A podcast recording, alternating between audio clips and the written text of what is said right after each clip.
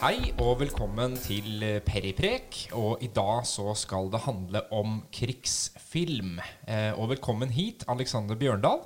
Tusen takk for det. Og velkommen tilbake. Sist gang så var det favorittfilmopplevelser. Og nå har vi altså bestemt oss for det veldig vanskelige temaet krigsfilm. Ja, det Jeg vet ikke helt hvor, hvorfor det ble akkurat det, men uh, Nei, vi kaster oss ut i det. Ja, vi kaster oss ut i det. Jeg har jo en filmutdannelse. Jeg har master i filmvitenskap. Så har jo brukt eh, mye av skoleåra på film. Du jobber på biblioteket i Fredrikstad, men uh, har en stor filminteresse ved siden av. Ja, alltid likt film. Og, eh, men òg bøker.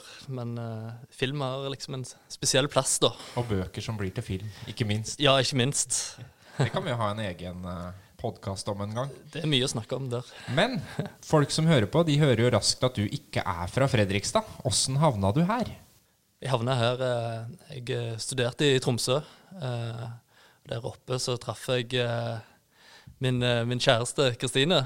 Og hun var fra Fredrikstad, så da var det naturlig at vi, vi havna her, da. Ja. ja. Da, det var ikke noe tvil om hvor dere skulle bo? Nei, det var ikke det. Nei. det er veldig bra. Dagens opplegg det er som følger. Vi har plukka ut fem krigsfilmer som eh, vi har lyst til å preke om.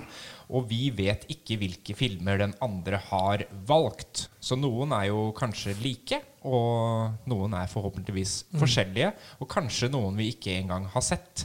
Så det er jo veldig spennende. Men først så må vi jo si litt om krigsfilm generelt. Mm. Og hva en krigsfilm er. For det er jo veldig mange måter å definere det på. Hva er det du har liksom lagt til grunn når du har laga lista di? At det er satt uh, til en krig, da, først og fremst. Mm. Og at det er kampscener. For det er jo veldig mange filmer der ute som utspiller seg under en krig, eller kanskje først og fremst er et kjærlighetsdrama, men har elementer av krig i seg. Mm. Uh, og så har vi de typiske filmene som utspiller seg på slagmarka. Da. Ja. Mm. Rett og slett de som ja, først og fremst tar for seg et slag, da. Ja. ja. Og det er egentlig det jeg også har, har lagt litt til grunn. Eh, altså filmer i krigssituasjoner da, hvor, hvor de det handler om, er i krig. Og Hvis ikke så hadde nok lista sett ganske annerledes ut, hvis man skulle sånn, tatt med alt. Uh, jeg var jo innom en del filmer som kanskje først og fremst handler om holocaust. Det er mm. nesten en egen sjanger innen krigsfilm. Jeg har valgt å ikke ta med noen derfra. Nei, ikke heller. Nei, mm. Da er vi enige om det. uh, og så har jeg noen favoritter som ikke ble med, da, men som også uh, tar for seg ulike kriger. Første jeg har lyst til å nevne, er Navals hemmelighet. Har du sett den? Incendies. Ja, ja, den har jeg sett. Ja. ja det er en fransk-canadisk Yes, ja. stemmer. Ja. Det er han uh, Denise Villeneuve. Kjempeflink regissør. Veldig flink. Vanskelig navn. Uh, men har jo laga Sicario, uh, Arrival og den siste, da, Blade Runner 19, nei, 2049. Så den, den gjorde veldig inntrykk på meg, men er jo først og fremst kanskje mer en thriller og en en sånn hemmelighetsfilm mer enn en ren krigsfilm. Da. Det er han som har 'Prisoners'. Ja, stemmer. Den er, den er rå. Altså Egentlig hele, hele, katalogen hans kan man bare helt trygt sette seg ned og, og, og se. Mm. Mm. Og så var jeg innom 'Atonement', som er en annen uh, stor film, syns jeg, uh, av Joe Wright. Uh, I 2007 kom den, med Keira Knightley i hovedrollen. Den har jo også en av de beste one take-scenene jeg vet om. Mm. det kan vi også komme tilbake til en gang. Ja. Uh, La Vita e Bella kom ikke på lista. Uh, det er jo en av de holocaust-filmene. Uh, mm. Som også er en blanding av komedie og veldig seriøs. Roberto Benigni, som vant for beste utenlandske film. Fantastisk film. Ja, utrolig flott.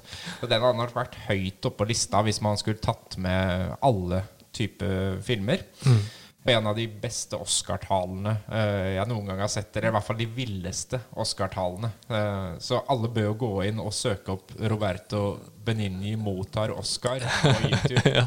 uh, det, er, det, var helt vilt. Casablanca ja. og Forest Gump. Forest Gump. Og jeg har um, 400 Blows. Det har jeg ikke sett. Nei. fransk uh, Truffaut. Ja, mm. ja. Ja, stemmer. En oppvekstskildring. Ja, den er 400 slag. ja. ja, 400 slag. Mhm. En av mine favoritter. Den det husker jeg vi hadde på da jeg gikk på universitetet og studerte, men jeg tror jeg skulka akkurat den timen. Ja, Det ja. var Det skulle du ikke gjort. Nei, veldig dumt. Men eh, ja, noe skal se, man ha til gode òg. Ja. Eh, men det er jo satt i krigen, andre verdenskrig, men eh, først og fremst en sånn oppvekstfilm. Mm. Men da er det vel ikke annet enn å gå løs på lista, og du skal jo få lov til å begynne, selvfølgelig. Eh, Ja. Din første film, har, har du satt dem i rekkefølge etter hva du syns er, er best? Jeg har egentlig det. Ja. Har du òg? Ja. Så godt Så, det lar seg gjøre. Så godt det går. Det er Ja. nok noen her som ligger på sånn delte plasser, nesten. De to øverste er nok uh, Jeg har en absolutt ener. Ja, Ja. spennende. ja. Vi, vi skal komme dit. Men vi starter med nummer fem. Ja, det var det vanskeligste valget, da. Syns jeg. Eh, det sto mellom to filmer, men det endte med en, eh, en tysk film fra 1981. Das Boot. Das Boot. Har du den på lista? Jeg har den ikke på lista. Den Nei. er på runner-up-delen. Ja. Um, så den er veldig lenge siden jeg har sett den. Så, Ja. så jeg var litt sånn derre hvor, hvor bra var den? Jeg, var, jeg tror jeg var litt for ung da jeg så den. Mm. Uh, jeg fikk liksom ikke helt sånn uttelling på den der Vi har hørt at det er veldig sånn klaustrofobisk uh, film. Men Nei. det var nok for tidlig. Jeg, jeg, skulle, jeg må se den igjen. Ja, jeg så den faktisk på Netflix for en uke siden. Ja, Ja, Den ligger der, ja. Den ligger der. Ja, Da skal jeg Eh, hjem og kose meg.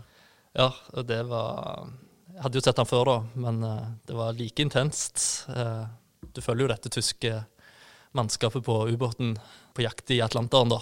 Og det, man er på ubåten hele tida. Hele tiden. Ja. Og der, er- der er det trangt. Det er veldig trangt, og de springer rundt forbi, og så er det, så er det deler der de bare liksom snakker sammen, og mye venting, og, og så skjer det plutselig, da, og da, skjer, da er det bomber, og da er det Ja. Wolfgang Petersen Wolfgang Petersen, ja. laga den. Ja, fantastisk musikk òg. Skal ikke begynne å nynne på den, men det er jo en, eh, en slager. Når jeg så han nå, så fikk jeg sånn der en eh, Det minner meg litt om aliens. Jeg vet ikke Det var som aliens under sjøen. Ja, det, Litt så estetikken. Jeg, jeg skjønner den sammenligninga veldig godt. Uh, man er liksom fanga i et lite, trangt uh, ja, Ja. eller romskip. Ja, Ligner litt på hverandre òg. ja. Og store deler Altså, du ser jo ikke fiendene. Nei. Du bare vet at det er noe Ja. der ute. Ja. Ja. Det er jo få ting som er så skummelt som mørke og vann. Mm. Altså, bunnløst vann er liksom Mm. Det er noe skummelt. Du vet jo ikke hva som er der nede. Ikke og når du vet at det er en fiende der ute i tillegg, da, som er eh, Du jakter på han, han jakter på deg. Ja. Mm. Intens opplevelse, og, og spennende med sånn tysk perspektiv, da. Ja. For det er jo veldig mange filmer eh, fra, fra andre verdenskrig Ja. som ikke har det tyske perspektivet. Hva de sier? Seiersherren skriver historien. Absolutt. Ja. Så Der er det jo en annen film som jeg hadde på, på lista mi, nemlig 'Der Untergang'. mm, eh, ja. Som jo beskriver liksom Hitlers siste dager Mm. uh, i bunkeren. Eh, men som ikke har noen krigshandlinger. Det er jo bare et kammerspill. Mm, Uh, men den nå ligger jo veldig høyt opp på lista. Ja. Eh, men den kom ikke med fordi det ikke er en ren krigsfilm. Nei, det er ikke det. Så det er noe med å menneskeliggjøre tyskerne òg, da. Ja, selvfølgelig. Så det var min uh, nummer fem. Jeg vet ikke om det er så mye mer å si om den. den må, hvis du ikke har sett den, så Da må man bare se den, se den på Netflix. og se den på nytt for min del. Ja. Jeg går på min nummer fem. Eh, det er en litt eh, nyere film og en litt nyere krig, nemlig krigen i Irak. Mm. Og der ligger The Hurt Locker fra 2008. Ja. ja. Den eh, var en jeg vurderte. Ja, jeg har den ikke på lista. Så du smiler.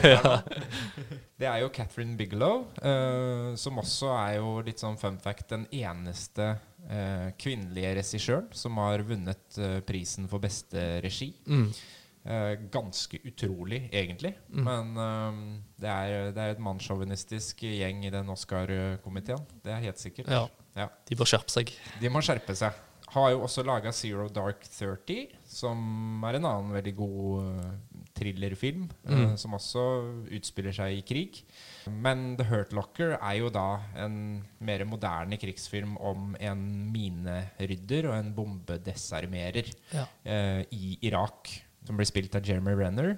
Og er jo også en veldig sånn intens film i at han er bygd opp i sekvenser, på en Mm. måte. Det, det er nesten uh, de ulike bombene og minene som forteller uh, historien. Mm. Eh, og mange egentlig like sekvenser hvor man skal desarmere noe, Mm. Uh, men sammen så blir jo det et veldig sånn intenst spill. Og leker jo litt med, med tanken om at krig på en måte kan være ekstremsport. Mm. At man blir helt eh, avhengig av å, å være i ekstreme krigssituasjoner. Da. Så den, den er jo, kan man både si er krigsforherligende, men samtidig så viser den jo veldig mange skyggesider og hvordan det ødelegger uh, mennesker. da. Ja. Hva var det han Uh Jeg nevnte jo den 400 Blows. Mm. Han Truffaut har jo et sitat der uh, sier det å lage en sånn antikrigsfilm, det er helt umulig. Ja, For det blir underholdning på et vis uansett. det blir jo det. Det er vel egentlig uh, 'Paths of Glory' uh, med Stanley Kubrick som blir regna som den eneste anti, sånn ordentlig antikrigsfilmen. Men bortsett fra det, så, så har jo nesten alle krigsfilmer et sånn element i seg hvor, hvor det er helter på den ene sida og skurker på den andre sida, og, og noen som kjemper for noe større enn seg sjøl. Så det det er, uansett åssen du vrir og vender på det, så er det jo pakka inn som en eh, heltehistorie. Yes, det var The Hurt Locker. Ja. Uh, Nei, den var Jeg, jeg husker den eh, lenge siden jeg har sett den, men eh, Mhm. litt sånn samme periode der Husker du TV-serien Generation Kill? Ja, også en veldig god serie. Ja. Mm. Den hadde kanskje vært på lista mi hvis det var en uh, det var langfilm. Absolutt. Ja, jeg syns det er liksom nesten mer interessant når de eh, eh, Når det er liksom pause i krigen, på en måte. Absolutt. Den ventinga. Det jo det Og det husker jeg den Hurtlocker var veldig god på. veldig god på når de bare er på brakka. Ja. Den intense stemninga som er mens de venter på et nytt ekstremt oppdrag, Ja. er eh, til å ta og føle på. Altså. Ja. Da tar vi din nummer fire, Aleksander. ja. Det er en nyere film. Eh, en film vi snakket litt om eh, sist gang. Oh, da tror jeg nesten jeg kan gjette. Ja, Dunkerque. Det er Dunkerque. Ja. Yes. Christopher Nolan, eh, som vi så på kino her i Fredrikstad. Og det syns jeg var utrolig bra opplevelse. Det er jo ikke en realistisk krigsfilm. Det er ikke Path of Glory med Stanley Kubrick. Det er underholdning. Mm. Og det er jo flere historier. Ja, for der får man på en måte krigen fra sjø, fra Ja. vann, fra land. Og så møtes det. Ja. Altså Men det er jo en veldig berømt operasjon. Det er det. eh, Som, så det, er, det utspiller seg jo av virkelige hendelser. Det er en virkelig hendelse. Ja. Ja. Hva skjedde? I Dunkerque. Yes. I virkeligheten eller i filmen. I, ta filmen, eller filmens utgangspunkt, da. Ja, store deler av hæren til England, eller de allierte, er da barrikert på en strand. Og så kommer jo tyskerne nærmere og nærmere, så de må jo eh, De trenger jo hjelp til å komme seg unna. Og de er fanga. De er skikkelig fanga.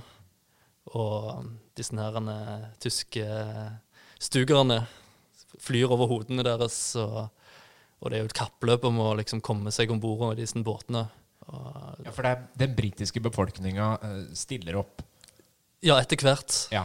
så gjør det jo det. Så kommer jo fiskebåter, og ja. så det er veldig rørende. Og så følger du jo noen enkeltskjebner, da. En pilot, en på stranda, en soldat på stranda.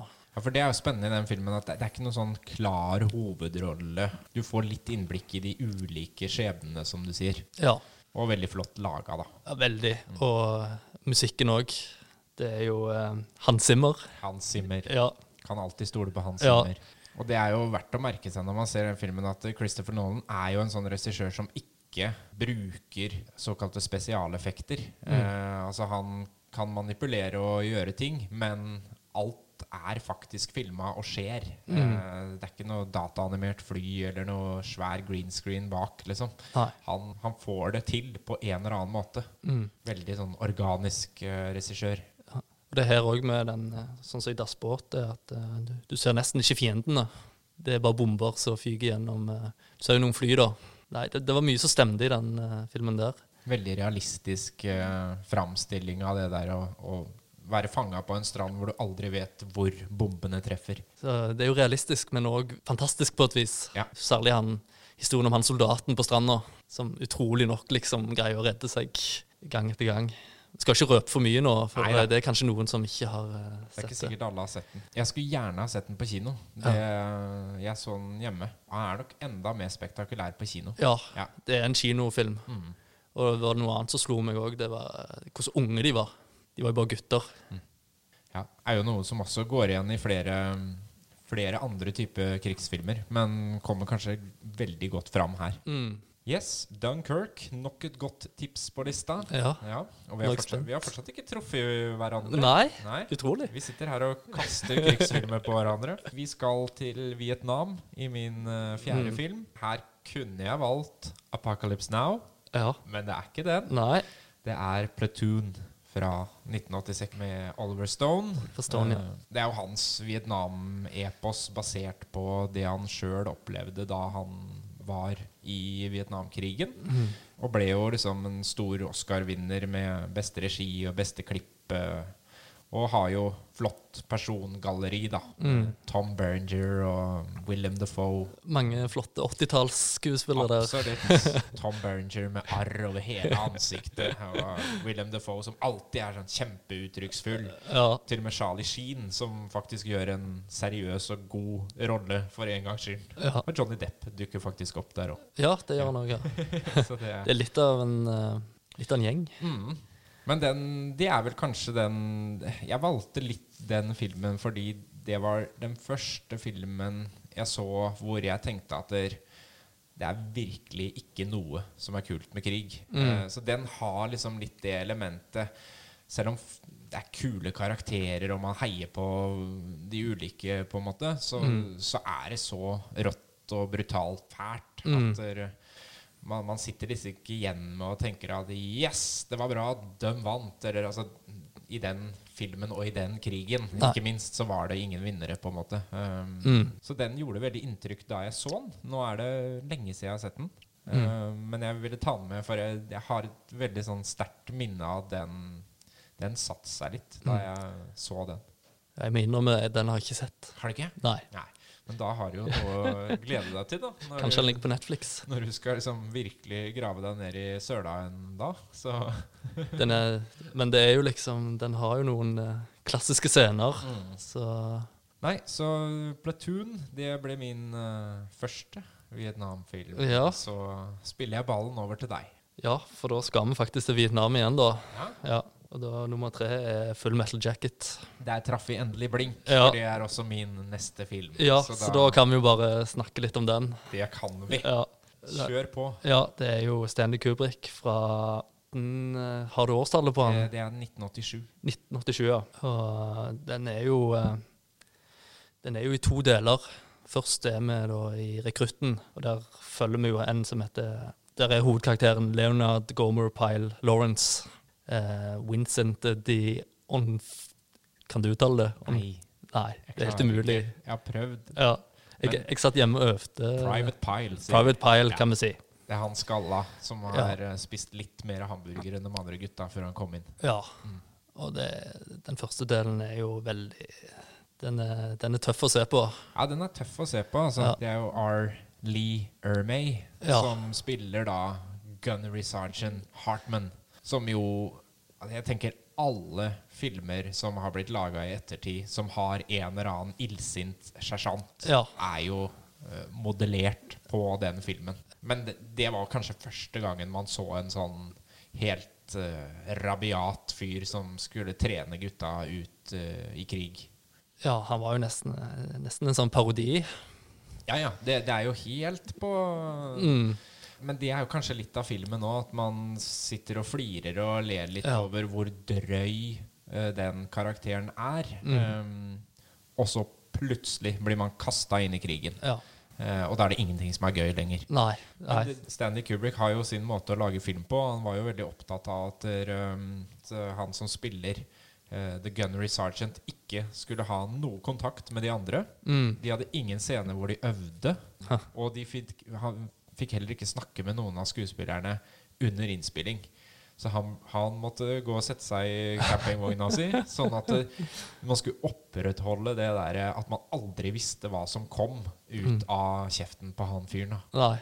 Og det kan man kanskje se i filmen. Nei, du føler jo veldig med han, eh, han Pile, da. Ja, vi må tilbake til Private Pile. Ja, Private eh, Pile. For det er jo en karakter som eh, er jo ikke like egna for den rekruttskolen som mange av de andre. Nei. Eh, Men han har en evne til å skyte, da. mhm. Og da får han en liten opptur, men så blir han bare Nei, det er utrolig, utrolig vondt. Og man Der er jo Kubrick veldig god på Mm. å på en måte bygge opp at man er litt, litt med på den mobbinga i Ja. starten. Ja. Snur den om på det, Ja. som han har gjort så mange ganger.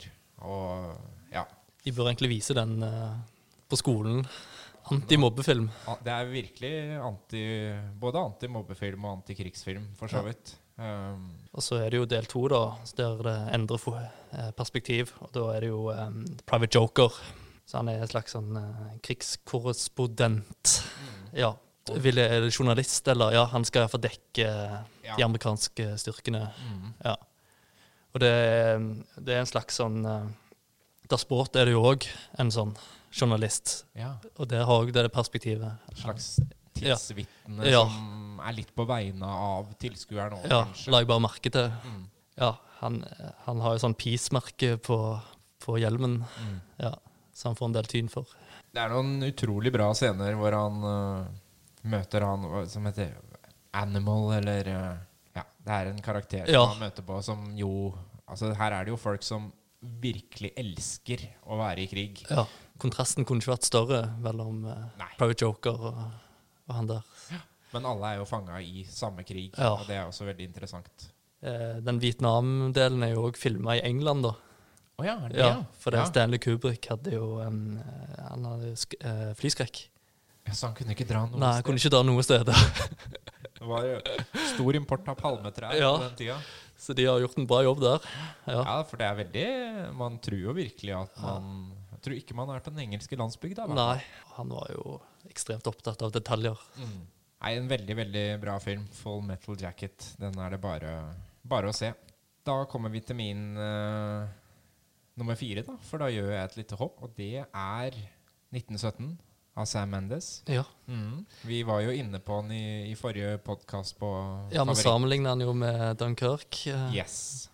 Og det er jo en film som gir følelsen av at det er filma i uh, one take. Uh, altså at overgangene liksom bare sømløst uh, går i hverandre. Mm. Den er jo selvfølgelig ikke det, det er jo bare triks. ja, men det fungerer. men det fungerer veldig bra. Man, man, man glemmer jo det, og man slutter å tenke på det. Det er bare ett sted i filmen hvor man gjør et klart brudd. Mm. Har du fått sett den? Nei, har ikke fått sett den. Nei. Jeg så de har lagt den ut på en sånn Du kan leie den nå, så Går an å leie den? ja. Ja.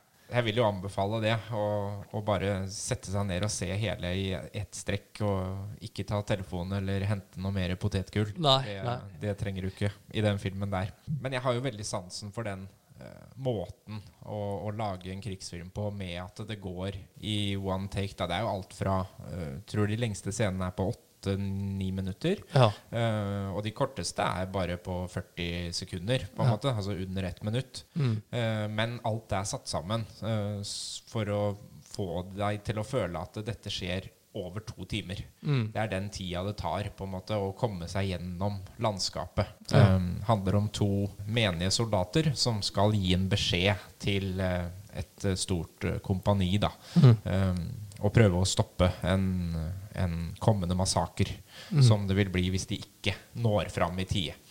Eh, Har satt eh, første verdenskrig. det er første verdenskrig. Ja. Eh, altså 1917 i liksom skikkelig skyttergravene. Ja. Og der blir man jo virkelig tatt med ned i lera. eh, hvor, og får også litt perspektiv på den der ventetida. ja. For det var jo ikke langt mellom skyttergravene. Eh, Mm. Men de bodde jo der og hadde liksom små samfunn. Og stikker du huet opp, da får du kule i huet. Mm. Så det er eh, veldig intenst. Og det blir jo enda mer intenst av at han har filma på den måten. Mm. For storyen er jo, er jo nesten litt sånn som 'Saving Private Ryan'. Ja. At man, man skal hente hjem noen, eller man skal få gitt en beskjed før det er for sent. Mm. Um, og man ofrer mye for å få den beskjeden fram, da.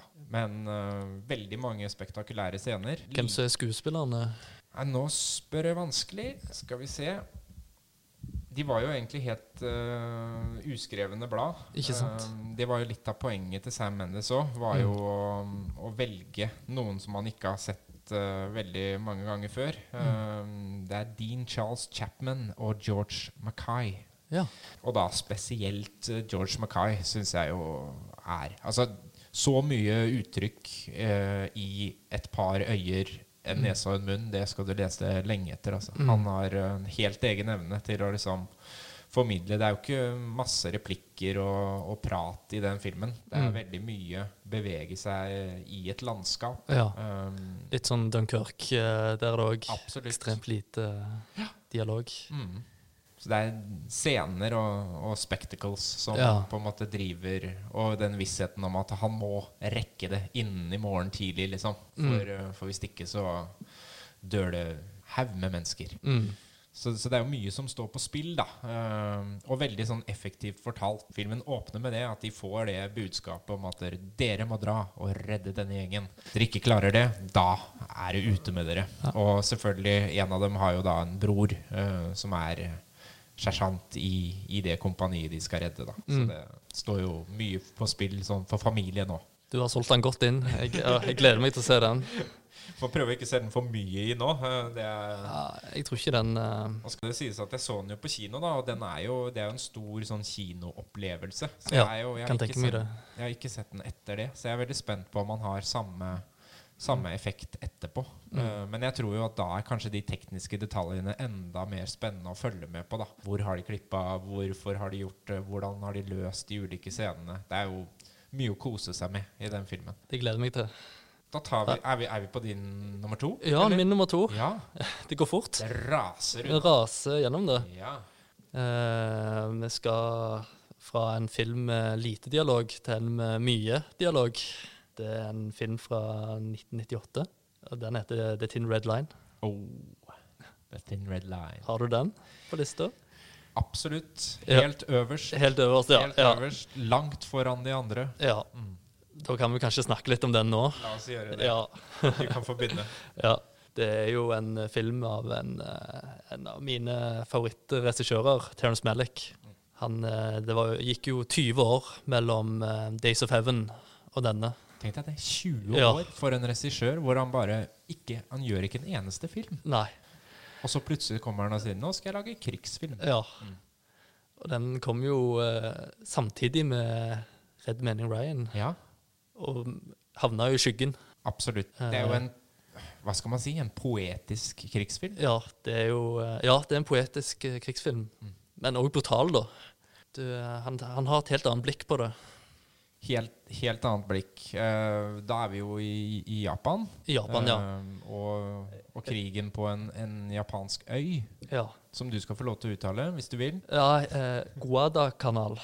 Veldig bra. Ja, Det er akkurat det jeg tenkte. ja. Og det er jo han eh, Private Wit. Mm. Starter vel med at han har sneket seg unna. Yes. Ja. Han har tatt sånn tj- tjuvperm, heter det vel. Og han eh, lever i et slags paradis. Og eh, jeg elsker filmer med voiceover. Det er en Som bare forteller Ja, Ja. hans innerste tanker. Og det, denne har, filmen har jo mye voiceover, da, der han forteller. Og, men eh, så kommer jo eh, marinen og plukker han opp, og han blir ført til helvete på jord. Ja. Ja. Han er jo da med de innfødte Ja. på den øya og liksom lever i total harmoni. Ja. Og de er jo sånn naturmennesker, selvfølgelig, som bare lever av det naturen har å gi. Og Mm. det er jo de kontrastene Ja. som Terence Malick bare liksom griper tak i og fillerister. da. Fra natur til Helvete på jord, Ja. rett og slett. Ja. Og det er jo noe som er veldig spesielt i den filmen. Han hadde jo et eget team med naturfotografer Mm. eh, som bare gjorde opptak. eh, og ingen visste jo hvordan dette skulle bli klippa sammen. Mm. Um, og det er jo noe helt unikt med Terence Malick, at han setter jo i sammen ting på en helt ny måte etter at Mm. filmen er ferdig. Ja. Adrian Brody, det er jo en morsom historie om den filmen, for han trodde han hadde hovedrollen Ja, i ja, filmen. ja. Um, det er også basert på en bok hvor han spilte den karakteren som er hovedrollen. Mm. uh, og kommer på filmpremiera og er med i ja, bitte liten del av filmen. Det er en tre timer lang film, og han er med i eh, 10-20 minutter, liksom. Ja, det er jo en eh, Det er så mange store skuespillere som bare er med Ja, ja. en kort, ellers så ble de klippa. Det er veldig mange som er klippa ut òg. Altså, det er jo John C. Riley, det er George Clooney, Sean Penn, Woody Harrelson, Nick Nolte, Adrian Brody, um, John Travolta. Ja. Alle er jo med i mer eller mindre ganske små uh, roller. Mm. Og så i tillegg da, så hadde den jo en store scener med bl.a. Gary Oldman, Mm. uh, Bill Pullman og Viggo Mortensen, Ja. som bare er Ja. klippa ut av, av filmen. Mickey Rourke var med. Altså, Det var jo et helt enormt persongalleri. ja. Alle vil jobbe med Terence Malick. Absolutt. Kanskje ikke etter å ha blitt klippa ut. Men Jeg tror kanskje for det. Men, ja. men det, det er jo ikke skuespillerne, det er ikke det som er viktig her. Det, Ikke det hele tatt. Nei. Og det er jo sånn befriende å Ja. se at noen tør å bruke George Clooney Jeg tror han er med i kanskje tre minutter. Mm. Som en bare sånn bitte liten bikarakter. Liksom. Ja, på det båten der, Det, husker det er jeg. det du Ja. ja. det er John Travolta. Det er John Travolta, ja. ja. George Clooney er ute i, ute i felten og er en sånn eh, sersjant Ja. som bare veldig kort snakker med, med de andre. Ja. Veldig fascinerende å, å lage film på den måten. Mm. Og selvfølgelig forsterker jo budskapet om at i, i krig så er det ingen som er over hverandre. Det er ingen som er stjerner, eller det er ingen som, Mm. som har noen posisjon. Altså Alle kan bli truffet av den samme kula. Ja. Så er det noen sterke scener der liksom innfødte bare driver på med de dagligdagse tinga Ja. mens uh, kampene pågår. Ja, Jeg husker også jeg ble veldig Jeg så den på kino, og da ble jeg veldig sånn slått i bakken av at midt i den verste krigsscena så faller det liksom et lite sånn fugleegg Mm. ut av et tre Mm. eh, som blir rista av eh, bombene. Ja. Og så klekkes det en, en nyfødt fugl, da. Mm. Eh, så han elsker jo sånn Han elsker symboler. Må Ja. bare lesse på. Men Ja. det er jo, mye av det er jo litt sånn klisjé òg. Ja. Men, men det funker, altså. Jeg liker det. Ja, jeg, jeg syns det funka i den filmen, for det er sånn kontrast til krigen. Men uh, dette kan vi jo diskutere en annen gang, men den Tree of Life, Ja. Den, eh, den likte jeg ikke helt. altså. Gjorde du ikke den, da? Nei, jeg gjorde ikke det. Nei. Nei, Men det jeg- kan vi ta godt uh, Vi kan godt ha en Terence Malick. Ja. Uh... Nei, det er jo deler av han som jeg syns var litt vanskelig å, å følge. Men, uh, men det jeg- ble veldig pompøst, liksom. Ja, det er jo litt Ja. Ja. Too much. Men jeg, men, Det er en annen episode. Det er en annen episode. Ja. The Thin Red Line. Der Ja. holder han seg jo Ja, veldig Og det er ikke bare en av mine sånn favorittkrigsfilmer, det er en av mine favorittfilmer. Og det sier litt om sånn, hvor smaken kan forandre seg, da. For når, når de kom ut, eh, 'Saving Private Ryan' og den her, da elsker jeg jo 'Red Manning Ryan'. Saving Private Ryan. Saving ja. Pri- ja. Da var bare det, det Å, alt stemte. Så noen år eh, Altså, så har det gått noen år, og det har snudd seg helt. Så det er det, er med, det er med andre ord ikke den som ligger på toppen av lista. Nei, det kan jeg bare røpe med en gang. Eh. Men vi, vi må bare si litt om, om det derre Oscar-året som var etter uh, The Thin Red Line, og med Red Many Ryan. da Det er jo Oscar-utdelinga i 99 mm. uh, for alle, alle filmene i Ja. 98. Ja. Som jeg mener jo er, er den største skandalen uh, i Oscar-historien. ja, for det Eh, var Shakespeare in love. Ja, det er helt riktig. Ja. Og da er det jo bare å holde seg veldig godt fast i den stolen man sitter i nå. Fordi eh, Shakespeare in Love konkurrerte da med Elisabeth, La Vita e Bella, Red Meni Ryan og The Thin Red Line. Ja. Og det er ikke så veldig mye mer å si om den saken Nei. enn at det satt en produsent for Shakespeare in Love som heter Harvey Weinstein, som antageligvis hadde trukket i noen uh, tråder Mm. Ja. uh, som gjorde at det ble sånn. Fordi mm, det er vel den desidert eh, dårligste filmen, i hvert fall på den lista. Om Ja. ikke kanskje en av de dårligste som har vunnet Oscar for beste film noensinne. Det er, det er vondt. Det er, vondt å veldig, det er vondt. på. Ja. ja, jeg Det hadde vært ved altså, alle andre enn den, kanskje. Det var jo eneste i regi at uh, Steven Spielberg da vant for Red Many Ryan, som er liksom det, Da vant han i hvert fall ikke for beste regi. Nei. Men eh, ellers så stakk hun jo av med veldig mange store eh, og gode priser, som fint kunne vært fordelt på The Thin Red Line. Mm. Den hadde jo syv Oscar-nominasjoner og vant ingen. Mm. Men den er jo kanskje, som du sier, da, en sånn film som må modnes litt, og var, Ja. var jo forut for sin tid Ja, eh, der. Og en den, helt eh, annerledes krigsfilm. Den kommer til å holde seg Mm. lang tid fremover. Absolutt. Så sett av tid til å se The Thin Red Line, altså, og gjør det med litt sånn åpent uh, sinn. Ja, du må ha tålmodighet, for det Og like voiceover. Ja, like voiceover, og den, er poet den går sakte, og så skjer det en del ting. Ja, nei, elsker den filmen. Da går vi jo rett og slett videre på lista. Og jeg har jo brukt opp minnet, for The Thin Red Line var jo på toppen av min liste. Ja, Så da er jeg jo veldig spent på hvem som står på toppen. Ja. Selv om jeg kan vel kanskje gjette. det, det, du kan få gjette. Jeg tipper at vi skal til Francis Ford Coppola. Det skal vi. Ja da, den var veldig Altså, som sagt så var jo grunnen til at Apocalypse Now ikke eh, havna på min liste, var at der, um, Platoon og Full Metal Jacket var liksom to Vietnam-filmer som gjorde veldig inntrykk, mens Apocalypse Now var noe helt annet enn det jeg trodde det skulle være. Ja. Um, så selvfølgelig nå en mye bedre film, uh, men der uh, hadde jeg ikke Jeg var ikke nok moden da, første gang jeg så den. Nei. Men ta oss med til Apocalypse Now. Ap Apocalypse Now er jo uh, Francis Ford Coppola, og det er jo stormannsgalskap. Han laga et par andre gode filmer òg. Denne kom jo etter um, Gudfaren-filmene. Og det- han skulle jo toppe det med Apocalypse Now. uh, men det gikk jo helt over styr. Eh, han måtte jo pantsette huset, og det tok jo mye lengre tid. Det var Eh, et marerittprosjekt eh, både for han og for de som var med, og Ja. alle som på en eller annen måte var involvert i den filmen. ja. Og det er jo galskap-prosjekt. Men det er òg det jeg liker med den filmen. Den er jo den er fra 1979. Og helt spektakulære scener. Ja, basert på Eller løst basert på Heart of Darkness, Joseph Conrad. Bare Dette er jo elva i Vietnam, da, ikke i Kongo. Nei, for der er det også en, en Er han menig? Som blir sendt ut på et oppdrag I, i boken Nei, i uh, Apocalypse Now. Martin Sheen Uh, Jeg tror han er overmenig. Der har vi jo linken mellom Platoon, Ja. som er Oliver Ja, og Charlie Sheen og faren. Ja. ja. Men Martin Sheen han blir jo, blir jo i hvert fall sendt på et oppdrag på denne elva i Vietnam. Ja, og skal ta den her eh, Skal ta knekken på Kurtz. Og, eh, men vi kan jo òg diskutere om dette overhodet er en film som skal være på lister.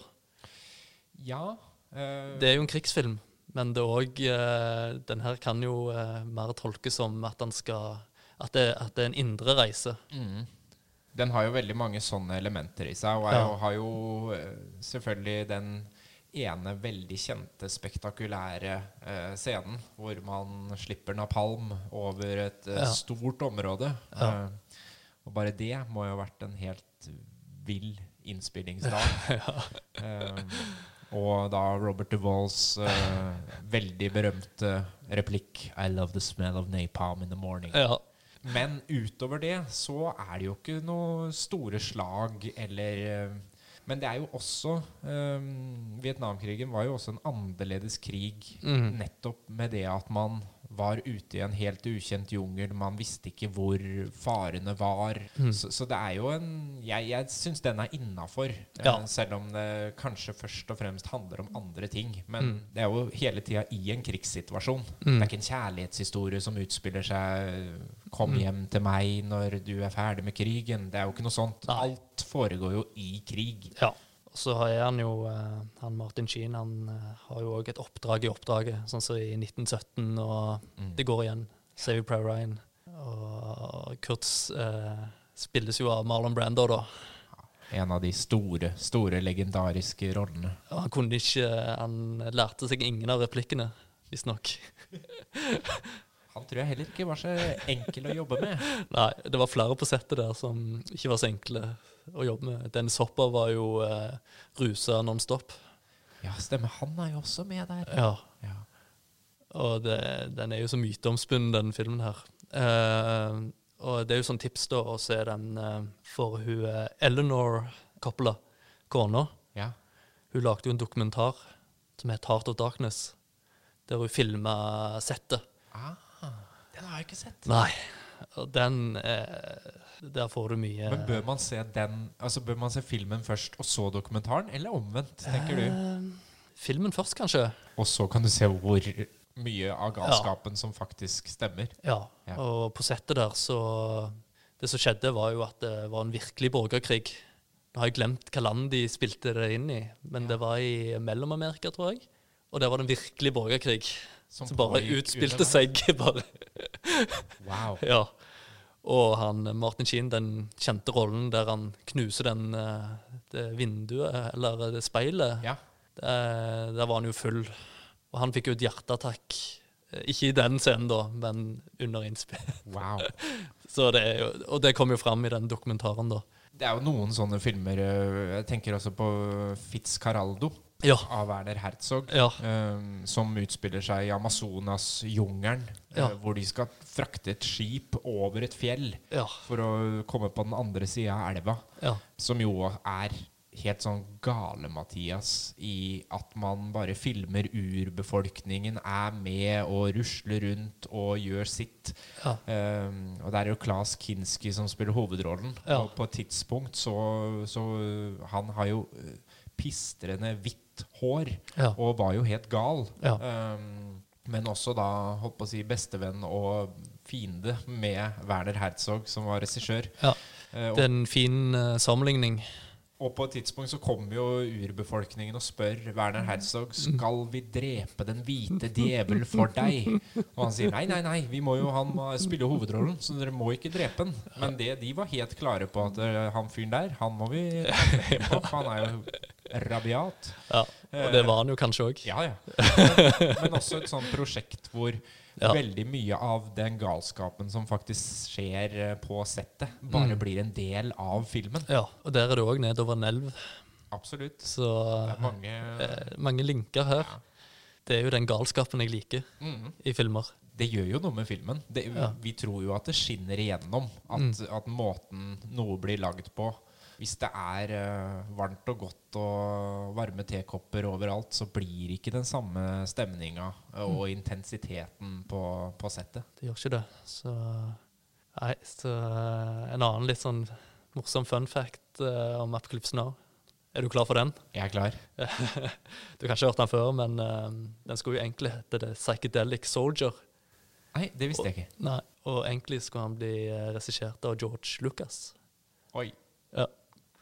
Det hadde vært noe. Det hadde vært noe annet. Det hadde vært uh, lightsabers Ja. eh, in eh, Vietnam.